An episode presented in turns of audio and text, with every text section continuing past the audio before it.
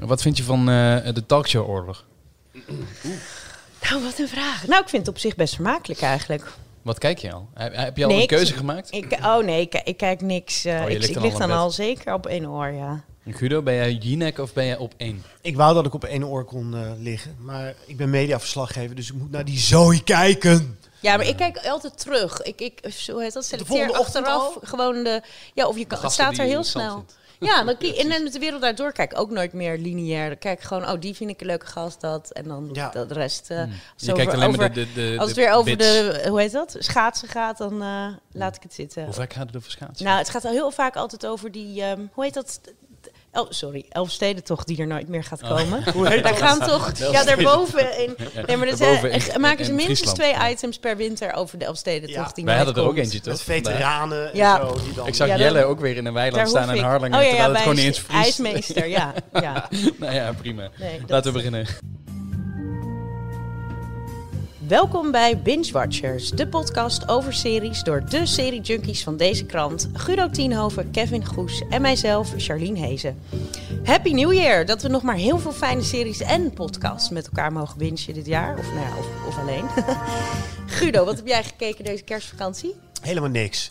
Nee, ik heb uh, een hele hoop uh, kerstmeuk verslonden. Um, ja, dat kan je alleen hebben met kerst. Kitsch. Ja. Kitsch met een hele dikke, vette hoofdletter K. Dus het wordt tijd voor wat meer kwaliteit. Misschien, ik, ik hoor aardige verhalen over hoogvliegers, een nieuwe serie bij de EO, geloof ik. Dus misschien moet ik daar eens mijn tanden in gaan zetten. Uh, Kevin, kwam eh, Netflix een beetje door in Indonesië? Ja, ik was weer op reis, dus uh, vliegschaamte heb ik niet, niet echt veel last van. Maar nee, ja, ik, ik, heb veel gedownload van tevoren, want oh ja, vluchten naar Indonesië, dat, is, dat duurt ongeveer 36 uur dat je, dat je vanaf hier daar bent. dus ik ben aan Visa Fiets begonnen dat was een tip die we binnenkregen via Twitter van een van onze volgers. Um, ja, die, die, die is wel, uh, wel vet. Oké. Okay. Een Spaanse serie over een uh, gevangenis. Uh, oh, een ja. beetje Orange is the New Black, maar dan in het Spaans. Dus je moet blijven opletten, want anders snap je er helemaal niks van. Um, ja, dat vond ik best een goede serie. Ik ben nu in seizoen 2 inmiddels. Want ja, je blijft doorkijken als je in het vliegtuig zit. Ik kan namelijk niet slapen in vliegtuigen. Ik weet niet hoe jullie dat hebben. Nee, ik kan, ik kan niet slapen. Nee, het is voor mij de ideale plek om series Überhaupt in te niet laten staan in een vliegtuig. Ja. ik, heb een keer een heel, ik heb een keer een heel seizoen van Hannibal gebinged. Ja, nou, ja. En dat is een gruwelijke serie. Er zaten allemaal kinderen achter me. Maar ik, dat, oh, fuck it. Ik zat dus in een moslimland. En uh, er zit best wel veel naakt en vis-à-vis. Dus sommige momenten zat ik echt met mijn iPadje een beetje naar me toe geschoven. Van als de, als de buurman ziet wat ik aan het kijken ben, dan word ik waarschijnlijk opgepakt hier. Want ze staan onder de douche met elkaar te discussiëren. Dus ja, nou ja, dat was dus wel uh, interessant. En Rick and Morty heb ik ook in het vliegtuig uh, gekeken, seizoen 4. Ah, leuk. Net, Netflix staat. onze eerste aflevering van 2020 gaan wij met groot genoegen aftrappen met een special guest binger. Hij bracht ons Mokromafia, Nieuwe Buren en aanstaande zaterdag gaan zijn, gaat zijn nieuwe dramaserie Hoogvliegers de lucht in. Regisseur Bobby Boermans. Uh, dankjewel. Welkom. Dankjewel. dankjewel. Hoe nerveus ben je voor uh, de eerste aflevering uh, zaterdag? Um, eigenlijk niet zo. Nee, ja, het zit op slot. Het beeld zit op slot. het is afgewerkt. het is klaar. En, en eigenlijk als de opnames in dat hele proces, het maakproces zeg maar voorbij is, dan is het voor mij, ja, dan geloof ik het wel. Dan dan is, dan is het kindje ook uh, is de wereld in, zeg maar. En dan, ja, wat mensen er dan van vinden, dat interesseert me dan eigenlijk... Ja, dat, klinkt heel cru, maar dat interesseert me dan eigenlijk niet zoveel. Ik hoop, ik hoop natuurlijk dat, dat mensen... zeggen ze allemaal toch? Nee, maar ik hoop oprecht dat mensen het leuk vinden. Uh, maar als je lang genoeg in deze business meeloopt, dan... Ja, af en toe gaat het goed, af en toe gaat het niet goed. En dat, ja, zo, zo gaat het. Heb je, heb je wel eens kritiek gekregen van een recensent? Uh, oh, genoeg. Waarvan je dacht, ja, maar ook waarvan je dacht, daar moet ik, daar moet ik, moet ik misschien wat mee doen? Nee, nee. Uh, nou ja, kijk, als het, als het hele goede kritiek is of zo. Ik, ja, ik heb ooit één film gemaakt, daar, daar zat wel iets in de, waarvan ik dacht, oh ja, ja, daar heeft hij misschien wel een punt. Maar het is. Nou ja, uh, hoe, dat weet ik niet meer wat dat precies was. Maar, de, maar films en series zijn zo persoonlijk gebonden en hebben ook zo te maken met welke fase van je leven sta je in. Wat maak je persoonlijk in je eigen leven mee op dat moment, waardoor het je wel of niet raakt. Uh, wat is je smaak? Dus ja, ik probeer dat eigenlijk altijd uh, het klinkt heel dom en het klinkt heel uh, arrogant misschien, maar ik probeer altijd dat soort dingen meteen naast me neer te leggen, omdat uh, ik wil gewoon maken wat ik wil maken en voor mezelf en dan maak ik voornamelijk voor mezelf. Dat, ja, dat klinkt heel zen van je. Ja. en als ik ook één ding weet van regisseurs is dat ze cinema en televisie vreten, oftewel master bingers zijn. Dus we kijken heel erg uit naar jouw inbreng. Maar eerst, het was de week van de Golden Globes, dus daar moeten we het zeker over hebben. En dan kan ik maar één ding zeggen: Ricky Gervais. It wasn't the only epic movie. Once Upon a Time in Hollywood, nearly three hours long. Leonardo DiCaprio attended the premiere, and by the end, his date was too old for him. Een van de vele grappen van uh, Ricky Gervais. Moeten we het eigenlijk niet meer heel veel over hebben, hè, want uh, het was afgelopen zondag al. Uh, maar ja, het was wel weer een monoloog waar je u tegen zijn. Ja, ik, heb er echt, ik vond het heerlijk. Ik vond het echt genieten. Ja, ik vond het ook gaaf. Uh, het is wel zijn laatste keer, zei hij. Ja, ja, maar ja, dat, zoiets zegt hij alleen maar om het vervolgens nog een keer... ja, precies. Want dit was al zijn hoeveel? Vijfde, Vijfde keer was het. Vijfde keer, wauw. En het was ook nog eens een vrij verrassende uitreiking als je naar de films kijkt, althans. Want 1917, eh, de oorlogsfilm van Sam Mendes, die is opgenomen in één take. Ik ga hem vanavond in de bioscoop zien. Ik kan er nog niks zinnigs over zeggen, maar ik hoorde toch wel wisselende verhalen over. In hoeverre is het een technisch hoogstandje, maar werkt het ook emotioneel gezien. Mhm. Maar niemand had verwacht dat die film zou winnen. Wat, we hadden het allemaal over Scorsese's The Irishman en over Marriage Story. Um, Joker misschien. Ja, maar die film is volgens mij best wel nu de laatste weken in award season, zoals ze dat dan noemen in Amerika, is die best wel uh, gehyped. En, uh, ja, en dan kan het opeens heel snel gaan met zo'n film. Ja. Dan, uh, dan, dan heeft iedereen het erover. En, en het feit dat het inderdaad, want het is volgens mij niet één shot, het zijn gewoon aan elkaar gestitchte mm shots. Dus het zijn volgens mij wel meerdere lange one-takers. Um, maar ja, dan, dan, uh, dan gaat zo'n film opeens vliegen en dan heeft iedereen het erover. En dan, ja. Uh, ja dan ben je zomaar een awards winner. De zwaan kleeft aan, ja, zoiets. Ja, ja en wat vind jij dan van een Ricky Gervais? Uh, nou, ik moet je eerlijk zeggen, uh, alle clipjes op YouTube van de Golden Globe staan bij mij nog in mijn kijklijst. Want ik uh, was gewoon heel druk met mijn eigen serie, waardoor ik het nog niet de Golden Globes heb kunnen terugkijken. Maar ik, ik hoorde wel weer dat ze dit jaar voor de Oscars nu weer geen host gaan doen. Nee, dat zou, was vandaag inderdaad niks. Ja, toch, ja, ik denk dat, ze, dat niemand durft het meer aan ongeveer, denk ik. Na... Ja, en dat was ook omdat de kijkcijfers omhoog hoog zijn mhm. gegaan. Voor Vorig jaar was voor de eerste keer. Ja, ja, ook dat. Dus de show dan korter wordt waarschijnlijk. Maar ik vind het altijd wel leuk hoor. Een, met, met de Oscars vind ik toch ook wel ja, als je ziet de awards, Golden Globes is veel gedurfder. Hè? Daar, daar, durven ze Ricky Gervais neer te zetten. En bij de Oscars zou je dan weer een, een Neil Patrick Harris of een, uh, of een Oprah Winfrey of iemand die, die het eigenlijk heel gezapig aan elkaar uh, met, met voorgeschreven grappen die door iemand anders zijn gemaakt, daar wordt het dan neergezet. ik heb liever dat ze het op deze manier doen zoals ze het nu doen dan uh, van hap. Kom, kom maar door met die awards. Dat, en, dat is ook omdat de, de Oscars zijn natuurlijk is, is soort van de godmother of all award shows, zeg maar. En daarom heel saai. Ja, nee, maar dat is wel zo. Dus je hebt heel veel awardshows die ervoor zitten. En die, die kunnen, de uh, Independent Spirit Awards, de Golden Globes, de SAG Awards, dit zit er allemaal voor. Ja, en die kunnen allemaal losser zijn, maar de, de Oscars zijn toch een soort instituut. Mm -hmm. uh, en die, uh, dus die hebben minder bewegingsruimte, denk ik, om, om hele gekke dingen te doen. Ja. Ja, en dan um, zaten er favorieten tussen de winnaars, waar jij dacht van, oh ja, dat was ook wel mijn favoriet dit jaar. Dus om je even te herinneren, HBO Succession heeft uh, gewonnen, uh, Fleabag in de prijzen, Chernobyl voor beste limited series, Patricia Arquette voor de haar rol in The Act, uh, Rami. één Netflix um, award, hè? Ja, alleen maar Netflix voor was superveel genomineerd en alleen maar Olivia Colman. Dat viel me wel op. Oh ja? Voor ja. Uh, The, Crown. Crown. Crown. Ja, op seriegebied. Hè? Want Laura Dern won beste bijrol voor Marriage Story. Dat was ook een Netflix-titel. Ja. Ja. Ja. precies. Ja, ik moet je eerlijk zeggen, dat is gewoon uh, het, uh, het hele vervelende als je zelf series maakt. Is dat je gewoon weinig tijd hebt om series te kijken. Dus ik, ik heb The Loudest Voice zit ik nu helemaal in. Met Russell Crowe. En dat is volgens mij al een, een, vrij... Die, die is al een paar maanden... Is ook gewonnen, hè? Ja, ja, Russell Crowe heeft inderdaad gewonnen. Ja. Beste, maar die is ook goed. Hoofdrol, ja, geweldig. Ja, ik, zou, ik vind het ook zo'n aanrader. En, je, en, het is spannend en het gaat over politiek en het gaat en helemaal nu met Trump. Het gaat, je ziet echt hoe uh, in die serie Fox News, de, de, de rechtse televisiezender van Amerika, wordt, uh, wordt opgebouwd. En ook alle hashtag MeToo dingen zitten in. Dus het is zo. Uh, het ja, en ook hoe zo'n nieuwszender gemaakt wordt, of hoe nieuws gemaakt wordt eigenlijk. Ja, dat het toch ook echt om kijkcijfers gaat. precies, en hoe je ziet hoe de wereld in dit geval, en hoe Trump ook in het zadel is geholpen en zo, hoe de wereld wordt geïn, geïndoctrineerd kan worden door bepaald nieuws. Ja, en tot op vandaag de dag nog steeds super goed bekeken, hè, Fox News. Je denkt van wie kijkt. Ja. En dat is uh, ongelooflijk uh, kijkzij. Ja, het, ik het vind kijkt ook wel lekker, lekker weg hoor. Als ik in Amerika ben, dan zet ik het ook altijd op.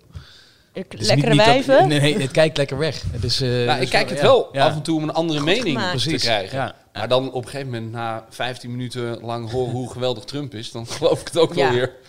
Ja, Ik ben, ben, ik dan van de oude stempel dat nieuws gewoon objectief moet zijn? Je moet helemaal, ik wil helemaal geen mening horen als ik naar het nieuws kijk. Ik wil gewoon. Uh... Ja, maar dat zit dus heel goed in die serie. Is dat je dat. Um, daar beginnen ze mee. En op een gegeven moment gaat het over de verkiezingen tussen Obama en McCain. En later ook Trump.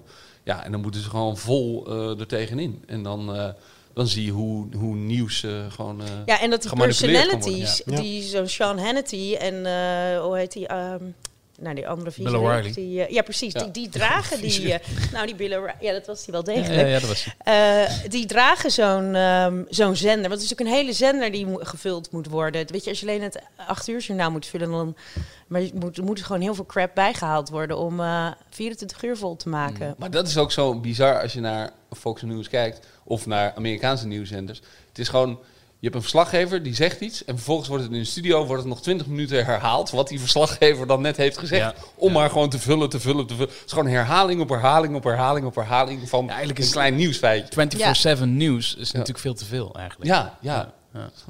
Maar eh, even naar de, naar de, uh, de winnaars.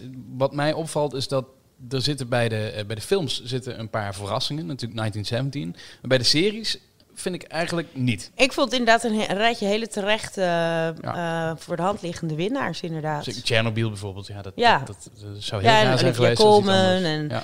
En Succession had ook gewonnen. Ja, die, het, ja, die is hier. Die gaat over de over een soort de, over Ja, dat is wel grappig inderdaad, want uh, het is een beetje gebaseerd op de familie uh, Murdoch. En uh, in de Loudest Voice komt Rupert Murdoch natuurlijk ook voorbij. Ja, dus ja. Dat, die, die, speelt wel een een rol in. Uh, in maar goed, die, die speelt ook letterlijk. Ik wou net zeggen, als je de Voice ziet, dacht ik van, oh, ik wist helemaal niet hoe groot zijn uh, rol in de wereld hij eigenlijk heeft stiekem. En Succession is ook wel, ja, ik vind het uh, wel heel grappig. Er zit wel hele zwarte humor in. Ik weet niet of jullie hem al... Uh, ik nog niet. het is natuurlijk wachten dat jij volgend jaar meedoet met New Neighbors en Macro Map. Zeker. Macro Map. Macro Map. ja, want uh, laten we daar... Op IMDb ja? staat hij alles high flyers, hè? Als je zoekt op Oh ja, ja, ja, dat is ook cool. Nou ja, aanstaan... Je bent er iets vergeten, de top, uh, top 4. Wat goed dat jij dat... Ja, ik ben hier door jouw lijstje heen aan het kijken en dat staat er niet tussen.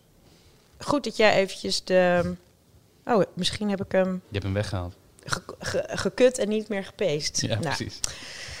Want we hebben weer een top 4. Wij, eh, wij sluiten iedere uh, aflevering af met een, uh, met een lijstje. Um, en deze week is dat. Wat is de beste film uh, ooit die zich afspeelt in een vliegtuig? En daar mag je even over nadenken. Graaf wow. even diep. En op het eind van de uitzending... Oeh, dan moet ik echt even gaan IMDb'en ja. hoe die titel gaat De beste beste film die zich afspeelt in vliegtuig. En eh, ik moet er vier? Nee, we doen, wij, maken, wij worden de samen de top 4. Oh, wij worden de top 4. Ja, ja, ja, ieder, ieder, noemt er dan, even die, dan moet ik even die titel uh, achterhalen. En meestal doen we ook wel een, een, um, een reserve. Krijg je er ook nog misschien... Ja. Dat moeten ze misschien niet van tevoren. nou goed, maar in ieder geval beste film in, in een vliegtuig. Ja. Um, nou, over een vliegtuig ja, gesproken. Mooi ja, ja. Ik hoorde hem aankomen. Jij ook? Aanstaande zaterdag start de achtdelige dramaserie Hoogvliegers over drie jongens die een opleiding volgen tot F-16-piloot bij de Koninklijke Landmacht. Luchtmacht. Luchtmacht. Ik ga het leger in. Je kunt nog niet eens een maand uit de problemen blijven. Wedden? Ik geef je zeven dagen. Jullie worden vliegers. En dan druk je op een knopje en dan valt er een bom. Joe, ik Heel goed. Tempo, tempo, twee minuten, minuten. ja. Klein stukje. Nou ja, ongelooflijk. We hebben de eerste aflevering al uh, mogen bekijken. Enorm onder de indruk. Uh, en de tweede nog niet. De tweede hebben we nog niet mogen bekijken. Ja, die hebben we wel. Oh, maar, maar daar mogen, we het niet over, mogen we het niet over hebben. Mogen we het niet over hebben, nee. Ja, oh, echt? helemaal heel streng. Nee, oh, is best heel streng. Oké, oké. Uh, Ja, hoe, hoe is dit een enorm indrukwekkende project uh, tot stand gekomen? Hoe ben jij er? Ik ben er drie jaar geleden, toen ik bij de Texaco stond te tanken, werd ik gebeld. wil je een serie maken over straaljagerpiloten? En toen was mijn eerste reactie, nou, daar hoef ik echt geen seconde over na te denken. let's go. Um, en, ja, en vervolgens kom je in een, redelijk serieus proces terecht. van ontwikkelen en die hele wereld van defensie en de luchtmacht leren kennen. En de luchtmacht zit over de hele wereld op verschillende plekken. En um, ja, die, die ga je dan allemaal bezoeken. Dus dan ga je naar de NAVO-oefening, Red Flag in, in Amerika. Um, we zijn naar Snow City in Jordanië geweest. Dat is een actieve oorlogsbasis. Daar hebben we opnames mogen maken die in de serie zitten. En uh, ja, dan ga je eigenlijk stap voor stap research doen om die hele wereld te kennen. Want ik vind het altijd fijn als ik een project doe, dat ik wel ja, dan smijt ik mezelf erin en dan probeer ik zeg maar, een hele wereld soort van op te zuigen en zoveel mogelijk kennis te doen. En uh, in de luchtmacht en defensie is een hele grote wereld. Mm -hmm. En um, ja, en uh, dan uh, ga je het script ontwikkelen samen met de scenario-schrijvers. En dan leer je eigenlijk gaandeweg stap voor stap hoe die wereld in elkaar zit. En dan op een gegeven moment komt puntje bepaalt je. En dan is het geld en het productiebudget is er. En nou, dan komt het, de hele crew erbij en dan wordt het, wordt het ingepland. En dan staat de eerste draaidag. En dan, ja. de eerste draaidag was in Amerika op een Amerikaanse legerbasis. En dan ga je er naartoe.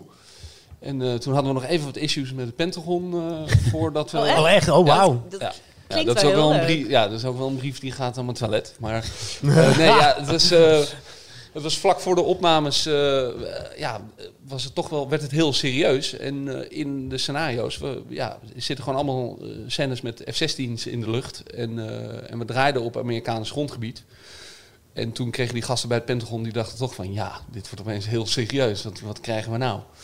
En toen hebben we er toch even wat hoge heren van uh, verschillende ministeries en, uh, en defensiemedewerkers hebben even moeten ingrijpen. Wie zijn die Nederlanders die hier ja. in de, ons luchtruim even ja. komen bevolken? Ja, en, maar uh, je wordt hier bij, bij Defensie wordt je binnengehaald hè, en jij mag meekijken in de keuken. Je, je, staat overal bij. Maar hoe blijf je nou objectief? Want je wil wel een serie maken die van jou is en niet van Defensie.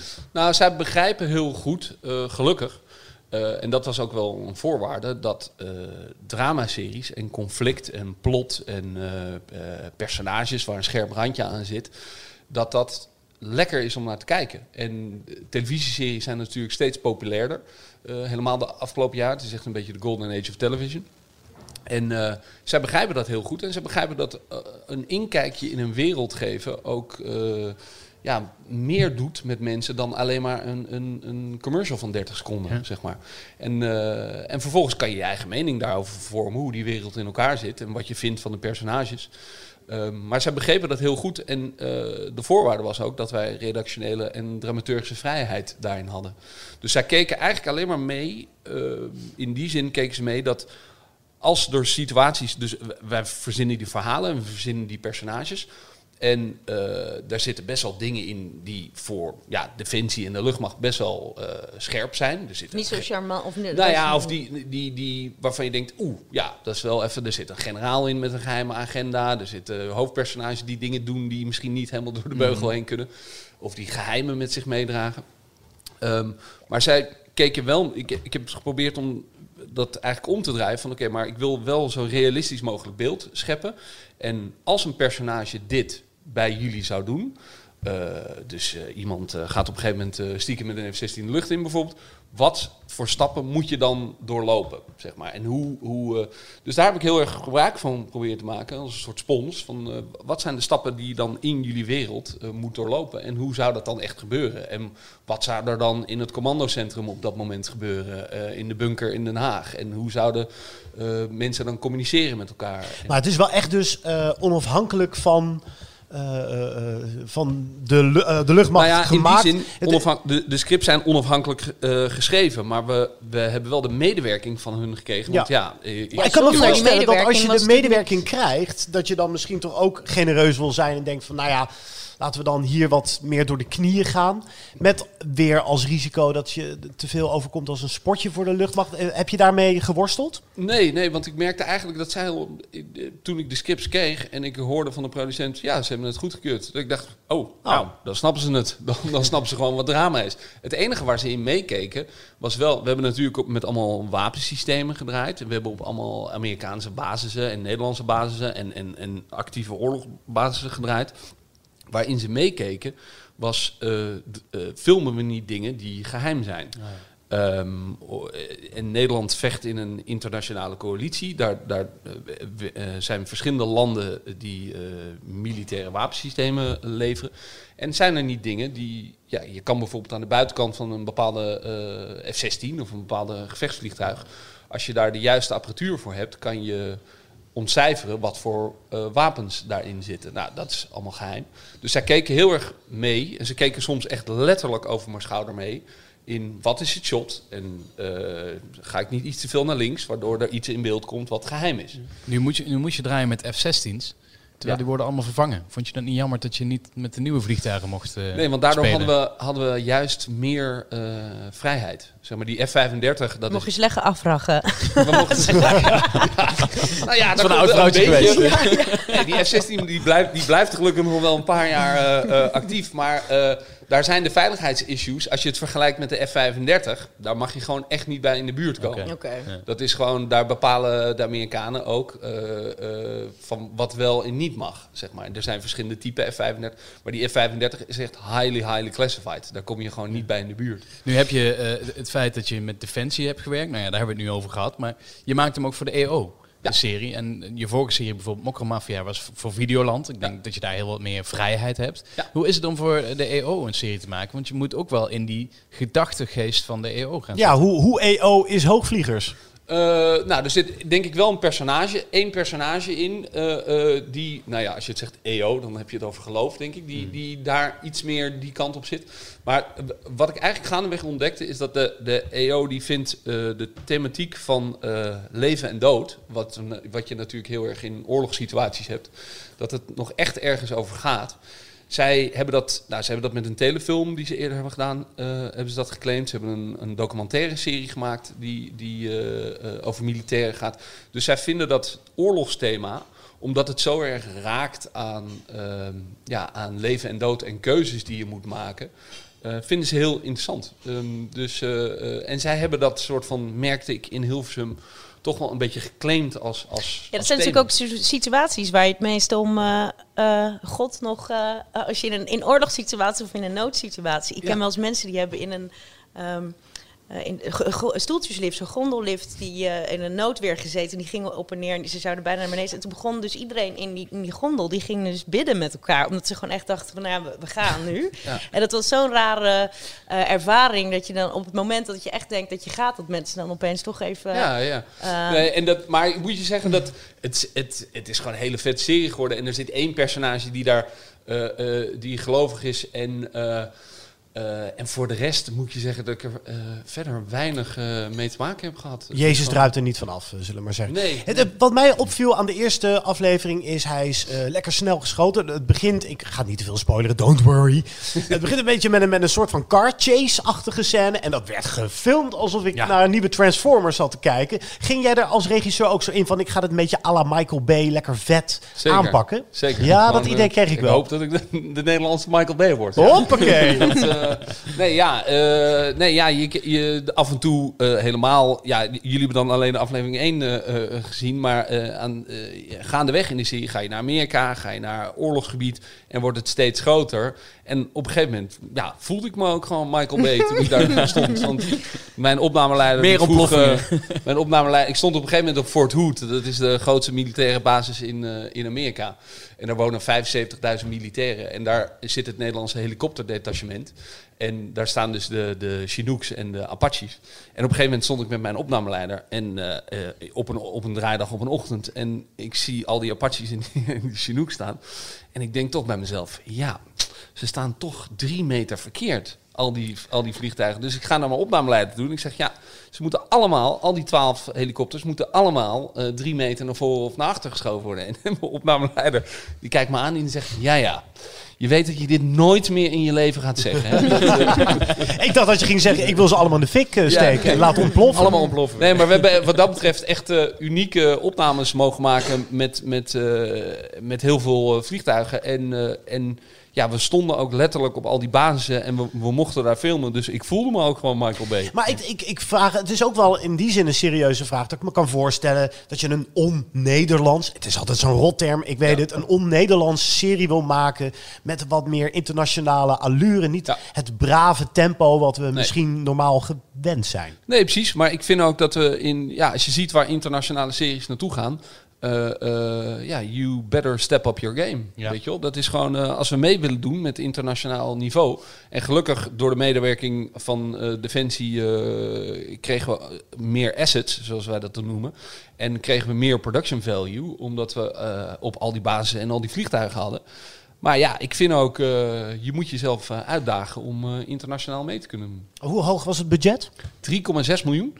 Maar ja, eigenlijk door als ik heel eerlijk ben, ja, zo'n F-16 de lucht in gooien, dat kost al heel veel geld. Ja, ik wou net zeggen, als je die F-16's drie meter verplaatsen wil, ja. dan ben je alweer een ton nee, verder, precies, dan ben je alweer heel veel geld eh, kwijt. Dus eigenlijk is het budget wel drie, vier keer zo hoog. Uh, um, en, uh, maar we konden dat doen omdat al die vliegers die moeten sowieso in hun opleiding allemaal uh, trainingsvluchten maken. Dus die moeten sowieso binnen een jaar zoveel trainingsuren maken. Dus elke keer als zij de lucht in gingen, dan gingen wij met een camera-vliegtuig of een heli camera-helikopter mee.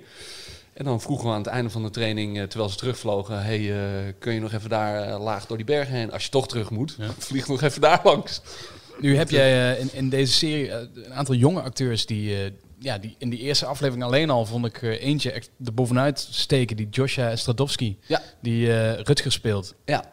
Zo'n jongen, die, ja, dat, dat kan toch uh, gewoon de nieuwe Michiel Huisman worden als je hem zo... Ja, hij is nu ook weg al. Hij zit alweer in een Amerikaanse serie. Hij is voor Amazon, gaat hij een soort hele grote serie nu doen. Hij wordt een soort ja, nieuw Harry Potter of zo. Ik weet het niet precies. Maar uh, behalve oh. dat hij veel groter is. Schrijf je even op.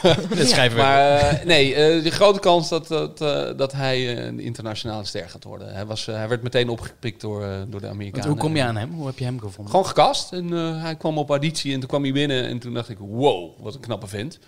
Uh, dat, dat vooropgesteld, wat een knappe jongen.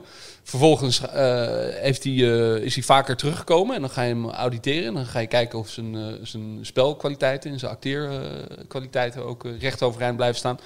En, nou, en gelukkig bleef dat. En, en hij heeft een, gewoon een hele interessante kop om naar te kijken. Dus, en gaandeweg, en hij past ook heel erg bij wat in de scripts zat. Dus gaandeweg, stapje voor stapje in elke aflevering ontplooien we hem en kom je dichter bij hem. En eh, in, aan het begin is hij nog best wel gesloten. En, mm en gaandeweg in de serie kom je dichter bij hem. En dat, ja, dat past er gewoon heel erg bij wie hij is als persoon. Dus het, het was enerzijds ook een beetje typecasting. En anderzijds... Uh, maar stel, er komt een seizoen 2, dan moet je hem dus waarschijnlijk alweer missen.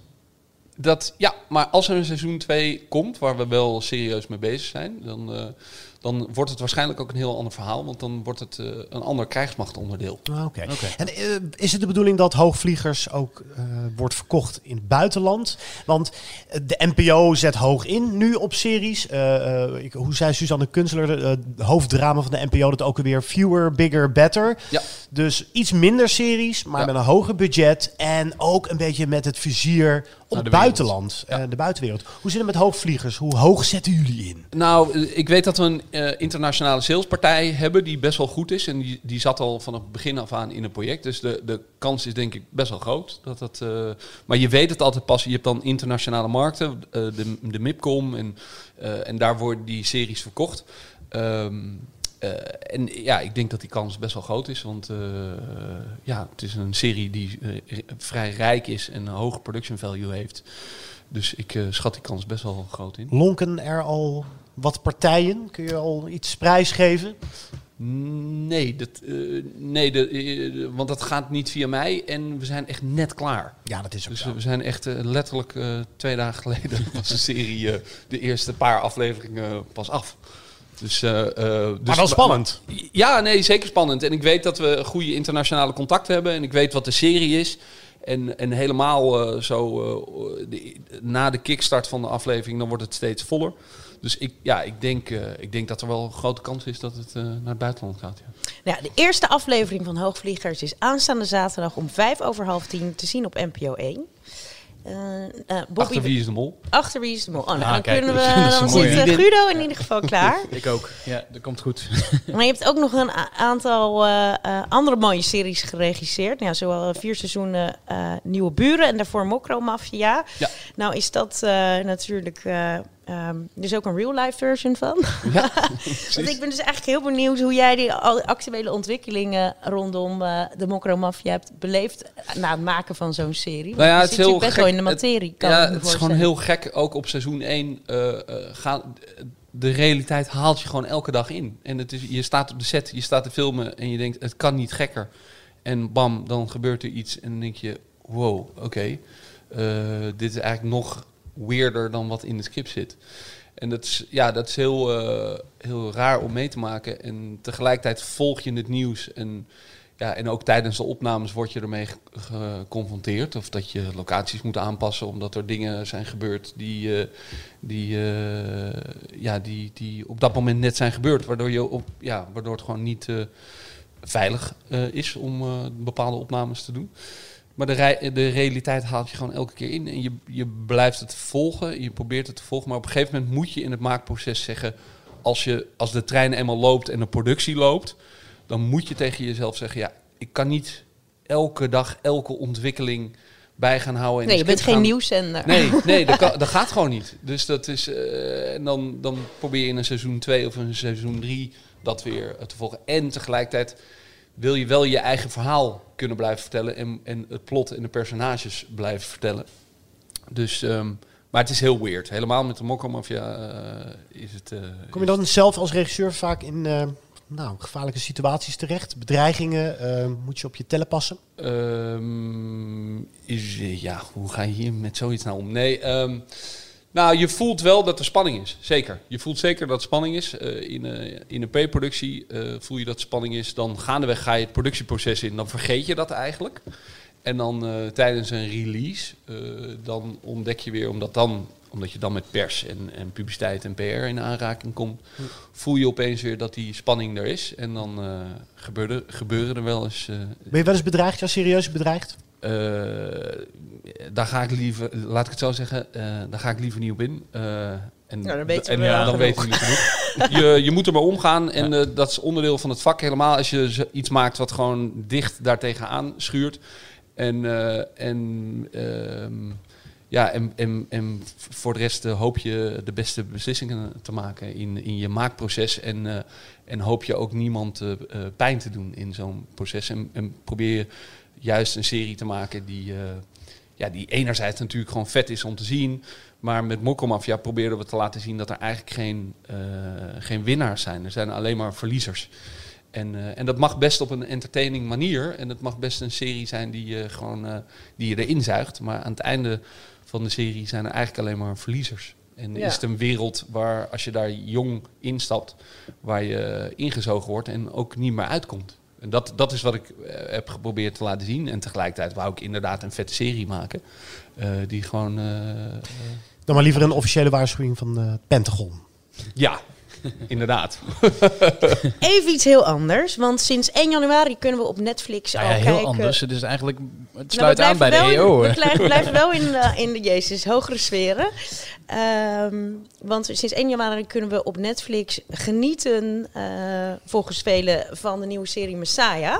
He's come out of nowhere and we don't know who he is. What do we know about him? He's leading desperate people. So this is a cult? We don't know who he's associated with. He could be creating an army. Or he could be leading them to their death. Een nieuwe tiendelige serie. Hij krijgt van onze uh, film... Um, recensent Abzacht vijf sterren. Ja. Um, nou, Kevin, wat, uh, wat vond ja. jij ervan? Bobby hebben we nog niet gezien. Ik heb hem niet gezien, ja, maar mijn vriendin heeft hem helemaal uitgekeken. Ja, ik ben en, nu bij uh, aflevering Die was helemaal hoekt. Uh, en ik zag het alleen maar voorbij komen. maar ik weet ook helemaal niet waar het over gaat. Ja, maar, maar is het een soort Passion of the Christ nou, ik, ik, zal, nee, ik, ik, zal kort uitleggen waar die over gaat uh, met CM. Want ik ben nu uh, vier afleveringen erin. Dus ik uh, ben aardig onderweg. het gaat over een man die schijnbaar vanuit het niets komt en die op het op begin in Syrië ehm, ISIS afwendt. Dus met, een, met een natuurgeweld zorgt hij ervoor dat ISIS niet de, de, de hoofdstad van Syrië inneemt. En ehm, vanuit daar leidt hij mensen door de woestijn naar Israël. Hij komt zelf nog in de VS terecht. En er gebeuren eigenlijk allerlei wonderlijke dingen om hem heen. En um, er is een CIA-agent, uh, Michelle Monaghan. Die zit achter hem aan en die, ja, die, die, die is aan het kijken van hoe, wat doet hij allemaal, hoe doet hij het, wat voor figuur is het, wie is het. Um, ja, en hij, hij wordt eigenlijk uh, El Misa, of, oftewel de Messias, genoemd door zijn volgers. Um, en zo gedraagt hij zich ook. Dus dat is uh, het, idee van, van de serie. Hij speelt zich ook af in Syrië, Israël en in de VS. Dus hij is best wel wereldwijd. En ook qua talen, die komen allemaal erin voor. En hij grijpt je bij je strot. En dat had ik na aflevering 1 nog niet helemaal door. En toen dacht ik van, nou ja, oké, laat ik aflevering 2 ook maar, ook maar kijken. Na aflevering 2 dacht ik, zal ik de derde ook maar kijken. En sindsdien denk ik elk moment van de dag, ik moet de volgende aflevering kijken. Want ja, ik wil gewoon weten hoe dit verder gaat. En dan heb je dus een goede Netflix-serie te pakken. Ik weet niet of ik hem vijf sterren zou geven, zoals Abzacht, maar... Okay, Hij is altijd, eigenlijk altijd met series, toch? Je moet altijd gewoon de eerste twee afleveringen doorkijken, omdat ja, daarin leer je de personages en het verhaal kennen. En dan mm. bij de derde zit je erin. Ja, maar ik vind dat wel lastig hoor. Want jeetje, dan, dan, dan wordt er eigenlijk tegen je gezegd... ja, Kijk heb even twee uur lang tijd voordat je erin komt. En dat hebben we tegenwoordig niet meer. Nee. Niemand heeft meer twee uur tijd. Er, komen elke... Er is te veel keus. Ja, elke en dat had jij ook door, Bobby. Vandaar die waanzinnige carchase in aflevering zeker, van En de Mokkelmafia ligt ook uh, meteen na 15 minuten... Het eerste, uh, vindt de eerste liquidatie plaats. Maar ja, dat, het, is, eh, soms met series is dat, is dat lastig. Want eh, je hebt niet altijd een genre. Kijk, met crime of met, met actie kan je dat vrij makkelijk doen. Maar als het een ander soort genre is... Ja, dit is een politieke thriller, denk ik vooral. Dat je het moet noemen. een politiek, religieus. Uh, dus, dus ja, wat het precies is. Het is denk ik wel een thriller, maar ook weer niet dat er nou echt moorden gepleegd worden of een whodunit is. Dus uh, het, het, is een genre wat niet echt bekend is. En ook wat heel veel controverse uh, bij zich uh, brengt. Want ik weet in de moslimwereld zijn ze pissed off met deze serie. Netflix kan het daar niet goed doen. Als ze een vlag zouden hebben, zou die verbrand zijn op dit moment. Dus mm. het, ja, het is, het is wel controversieel. Want je zet een, een moslimman neer die zegt... ik geloof eigenlijk nergens in, want ik ben het geloof. Hij, hij zet zichzelf neer als de zoon van God. Hij is de nieuwe Jezus ja, dat, dat, is, uh, dat, dat valt niet heel erg goed in de, in de islam. Ja. Maar het is eh, wel heel knap neergezet. En die hoofdrolspeler, ik moet even zijn naam opzoeken hoor, want hij is, uh, heeft een moeilijke naam. Maddie Debbie.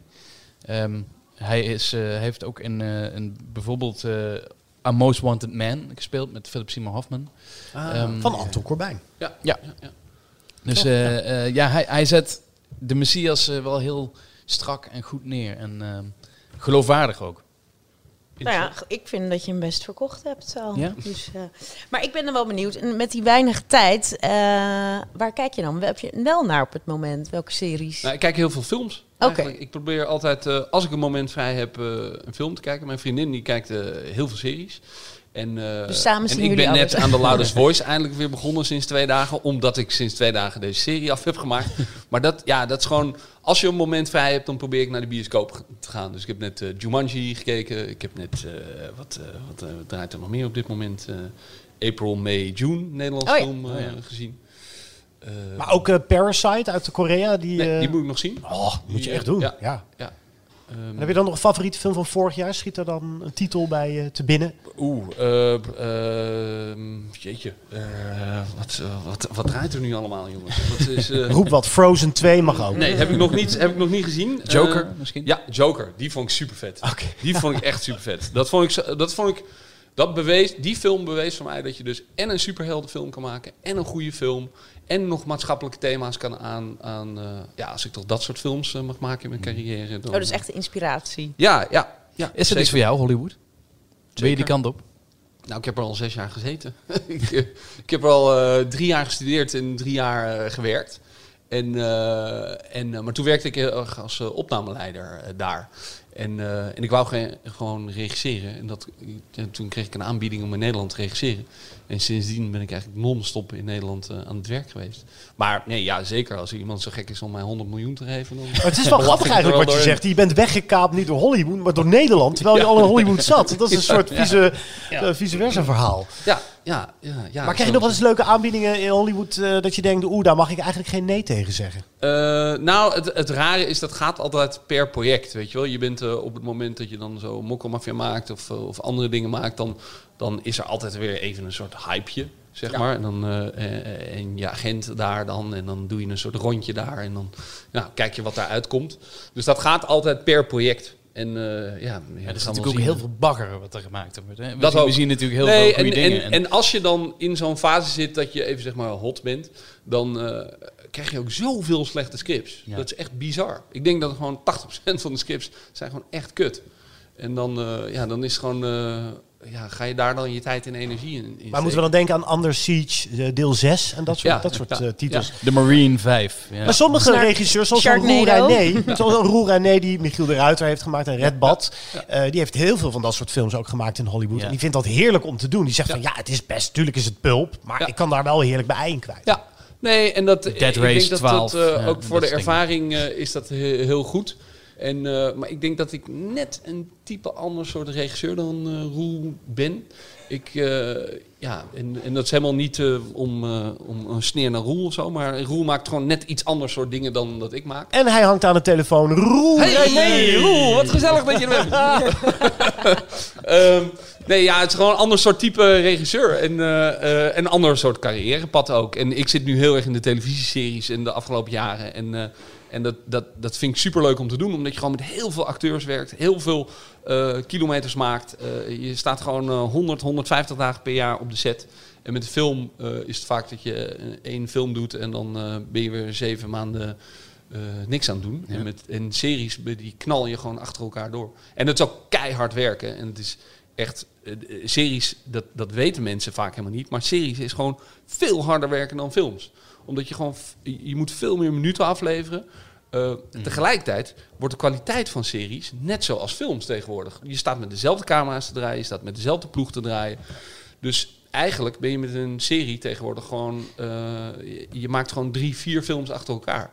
En dat, dat vind ik ontzettend leuk met, uh, met series. Alleen het is wel slopend, want je zit op een soort moordend tempo. Ja, je hebt het nu over 3,6 miljoen, hè, wat je dan krijgt van de EO voor, uh, voor deze serie. Nou, budget was wat hoger.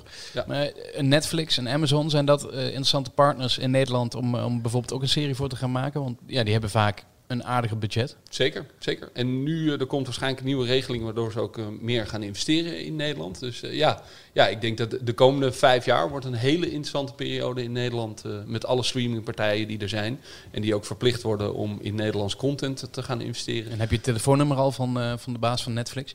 Uh, ik heb het e-mailadres. uh, hoe heet hij ook weer? Serendo's? Serrando. Ja, dat is dat. Ja, dat is de contentbaas van. Ja, nee, er de, ze hebben gewoon een apart kantoor in uh, Nederland. En ze hebben een aparte klantenservice waar wij ook weer met een andere serie toevallig gedraaid hebben. En uh, ja, nee, het, het, het, het, is gewoon een hele interessante periode. De komende vijf jaar wordt echt super interessant. Het wordt echt met HBO Max die gaat komen, Disney wat er nu mm -hmm. is. Uh, Peacock wat gaat komen, uh, de, de, ja, de, uh, Amazon. het wordt gewoon een hele interessante periode. Quibi, heb je daarvan gehoord? Quibi, ja, ja komt ze weer met de Quibi. Ja, die komt in april gaat het, ja, dat ja, is in april gaat, tenminste nog niet, in, ik weet nog niet in Nederland, maar er komen nog wel. Kunnen we de Kardashians bingen? Uh, nee, dat, dit is, oh, is de Quick Bites. Het is oh, een hele, heel kanaal alleen maar met korte filmpjes. Oh, jij nog bij, Guido? Ja, dat is wel een beetje de bedoeling dat Guido het allemaal bij. Ja, dat is de bedoeling. en wat heel interessant is, is, veel te veel, jongens. Nou ja, wat heel interessant is, is om te kijken hoe de Nederlandse markt en de Europese markt. Die, ja, je hebt voornamelijk de Amerikaanse partijen, maar in Europa zie je dat er steeds meer co-productie zijn tussen Duitsland, Frankrijk. Uh, ik sprak gisteren Diederik van Rooij, die is bezig geweest met die vampieren-serie ja. Airs of the Night. En dat is dan een co-productie met Duitsland en Noorwegen. Nederland heeft daar wel de kar getrokken. Dat is een idee van Lemming Film. En dat heeft zo'n 11 à 12 miljoen gekost. Uh, er zijn al twee seizoenen gedraaid. En dat is inderdaad echt, zegt hij, het nieuwe model om je ook te kunnen uh, bewapenen tegen de grote Netflixen en Amazons van deze wereld. Dus ja, uh, ja. Ja dus mooi voorbeeld daarvan. Ja, ook dat wordt gewoon heel interessant, omdat op al die co-productiemarkten en zo moeten mensen naar elkaar toe gaan groeien en moeten wij. Het probleem alleen in Nederland is dat we vaak net iets te weinig geld kunnen meebrengen om echt serieus daarin de lead uh, te kunnen nemen. Nou, in Airs the Night is dat gelukt en daar zijn ze ook jaren mee bezig geweest. En er zijn meerdere van dat soort projecten in de ontwikkeling in Nederland. En um, ja, laten we hopen dat dat, dat dat gewoon de goede kant op gaat. En dat we meer de lead kunnen nemen in, in internationale co-productieseries. Ja. Nou, ik, ik, wij, ik denk dat ik voor ons allemaal spreek, dat we nog wel uren met je door kunnen praten. Maar de, de luchtmacht wacht volgens mij uh, ja, ik moet, op uh, ons. Die kant dus uh, kom vooral nog een keertje terug. Zeker, ik vond het hartstikke leuk, jongens. Kletsen. En dan gaan we afsluiten met onze top 4. De beste film in een vliegtuig. Beginnen we Moeten meteen... jullie eerst? Want Ja, wij ik, gaan ik, moet, ik moet even zoeken Ja. hoe die... Doe maar eerst Guido. Guido. Serieus, denk ik. Ah, mag ik als eerst? nou, het, het is voor mij echt een inkoppertje. De beste film ooit gemaakt in een vliegtuig is United 93. Oeh, daar Ja. noem je er wel Ja, kom maar, kom maar met Ja. dat applaus. Oeh, als ik die geweten had... Ja, Ja, ja, je moet er net ook op net komen. aan te denken. Ja, van Paul Greengrass, die ook Bloody Sunday heeft gemaakt. Dat is een fantastische regisseur. En eh, United 93 gaat over nou, het vliegtuig dat ook op het... Nou, dat had op het Pentagon neer moeten storten tijdens 9-11. Maar de passagiers hebben de kapers overmeesterd... waardoor het uiteindelijk in een weiland eh, belandde. En je blijft bijna de hele speelduur in dat vliegtuig zitten. Er zitten geen bekende acteurs in. Er zit een waanzinnige pompende eh Ja, en het filmscore schijnt onder. allemaal gebaseerd te zijn op echte verslagen van eh, Ja, mensen van- die nog van, aan het eh, sms'en ja. waren met de mensen thuis en zo. Let's Roll eh, Ja. is zo'n bekende kreet. En ja, dat is nou, ik, echt zwetende eh, eh, eh, palmen van de hand. En de zweet eh, van mijn voorhoofd gutste echt weg. En wow, ik heb, dat is echt een van de meest intense bioscoopervaringen überhaupt die ik Ja. eh, misschien wel zou Sowieso kiezen. al zijn films zijn... eh, Ja. Zijn, eh, ja, ja, shit. Als ik die geweten had, had ik die gekozen. Maar- Dit was Wat HD is- Binge Watchers. Eh, nee, eh, ja, ik. eh, maar dat komt ook omdat ik hem laatst weer op televisie heb gezien. eh, de film Non-Stop met Li- Liam Neeson. En eh, volgens mij Michelle Pfeiffer zit er ook in. Die speelt zich ook helemaal in een vliegtuig. Het is een thriller die zich helemaal in een vliegtuig afspeelt. En die gaat over het feit dat het vliegtuig wordt gekaapt. En eh, Liam Neeson moet, à la teken, want Liam Neeson speelt al jaren dezelfde rol, eh, moet ontdekken in het vliegtuig wie dat vliegtuig kaapt. En, en die film is al, nou ja, tien jaar oud of zo. Maar die, dat was de eerste film die voor mij in ieder geval, waar ze ook graphics, zeg maar vanuit een telefoon, eh, wat nu eh, met House of Cards en zo heel eh, normaal is, maar voor House of Cards al gedaan werd. En, ehm, ehm, en waar ook de visualisatie van hoe kan je in een vliegtuig, wat best wel een contained environment is, eh, toch een hele film eh, laten afspelen. En dat eh, is volgens mij een Spaanse regisseur. Vond ik ontzettend goed gedaan in die film. En tegelijkertijd is het gewoon een hele entertaining eh, popcornfilm. Maar als je er vakmatig naar kijkt, hoe ze dat hebben gedaan, eh, ja, dat is een hele goede, hele goede film. Maar als ik United 93 had geweten, dan had ik die. Charlene, doe jij maar eerst. Nee, doe jij maar eerst. Ik heb er twee. Ja, dag Kevin, wat maar. is dit nou Nee, weer? Eén serieuze die we gewoon moeten noemen, maar ik noem hem alleen maar Top Gun. Hij is Ja. niet alleen maar helemaal in een vliegtuig, maar ja, het is natuurlijk wel gewoon Top Gun is Tom De Cruise op zijn best. vliegtuigfilm, Ja, eh. ja, de- ja. Nou, Ja, en- oké, als ik die had geweten, die had ik wel geweten. Die had ik wel geweten, maar ik dacht het moet in een vliegtuig zijn. Ja, Top ja, Gun ja, is ja, natuurlijk ja. ook heel veel in het vliegtuig. Ja. Maar een andere film die ik geniaal vind in een vliegtuig is natuurlijk Airplane. Ja. Ja, Ja, daar heb ik ook echt... Het vond ik zo leuk Ja, het is eh, eh, eh, vol met grappen die... eh, echt, Is dat die ja. met de automatische piloot en dat is dan echt een Ja. opblaasbare piloot? Ja. dat is een opblaasbaar. heerlijk. Leslie Nielsen volgens mij is het die. ja, dat is allemaal Leslie zit. Nielsen films. En eh, ehm, ja, bijvoorbeeld ook de grap Shirley, you can be serious. I am serious and don't call me Shirley. dat is Airplane. ja, het is allemaal te flauw voor... Ja, nee, maar dat blijven is zo'n kijken. klassieker inderdaad. Ja, ik had dus, eh, om een beetje lollig te zijn... eh, Snakes on a Plane bedacht. Snakes on a maar, ehm, Samuel Jackson. maar in een vliegtuig, een beetje een, eh, had ik nog een andere die heel, ook heel veel indruk op mij heeft gemaakt destijds. Alive. Oh ja? En ja, dat, ja, ja, ja, dat ja. vliegtuig was weliswaar neergestort, maar ze zaten er toch nog, leefden ze heel de tijd in dat vliegtuig. inderdaad, ja. ja En op een gegeven moment, weet je het nog? Nee, ja, nou, dat nee. gaat over een voetbalteam uit Chili, volgens mij, die neerstortte in het Andesgebergte. De helft is dood en de andere helft leeft nog. En die, nou, die vreet elkaar op en overleeft heel Dat snel. Ga ik er even vertel je uit. dit, eh, ja. Wat vertel je die- dit vrolijk? ja, ik, nee, ik, ga Ja, heel is wel- even- ja, dat is echt wel snel een mooie film. Ja. Ethan Hawke zit er geloof ik in. En, eh, Oh ja? Toch? Ja, dacht ik. Ja. En dan op, moeten ze, gaan ze, er zijn er nog drie en die gaan het hele Andes gebergte door. Ja, het is echt een, een uh, uh, survival film. Um, tot, wordt ook ingebeden, want op een gegeven moment krijgen we weer, komen er een um, uh, lawine en dan gaan er weer een paar... Ja, het is echt... Uh, nou goed, maar in een vliegtuig, dat waren ze. oh, super. Fearless, Fearless is ook mooi, met uh, Jeff Bridges. Die heeft bijna niemand gezien, maar dat is ook een echt een goede nee, film. Onthoud nee. die naam. Onthoud Flight die Plan. naam. Flight Plan ja, is ook ja. leuk. Ja. Flight Plan. Ja. Dit was Binge Watchers aflevering 13. Abonneer je via Spotify, iTunes om niets te missen. Volg ons op Insta en Twitter en laat ons vooral weten uh, over welke series jij niet raakt uitgepraat. Ja, we willen ook wel weer wat tips. Want ik ja, heb nu een paar van die uh, tips. series die we getipt kregen gekeken. Ja. Dus kom vooral door met tips met uh, AD Binge Watchers. Inderdaad. Dit waren Guido Tienhoven, Kevin Goes, Charlene Hezen en Bobby Boermans. Dit waren de Binge Watchers.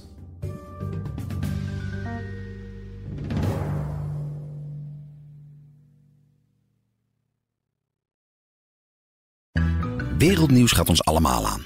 Maar als het nieuws gaat over je stadje, je buurtje of je straatje, dan voel je, dit raakt. Daarom lees je in het AD alles over het nieuws in de wereld, Nederland en jouw regio. Download nu de AD-app en mis nooit wat voor jou belangrijk is. AD, altijd dichtbij.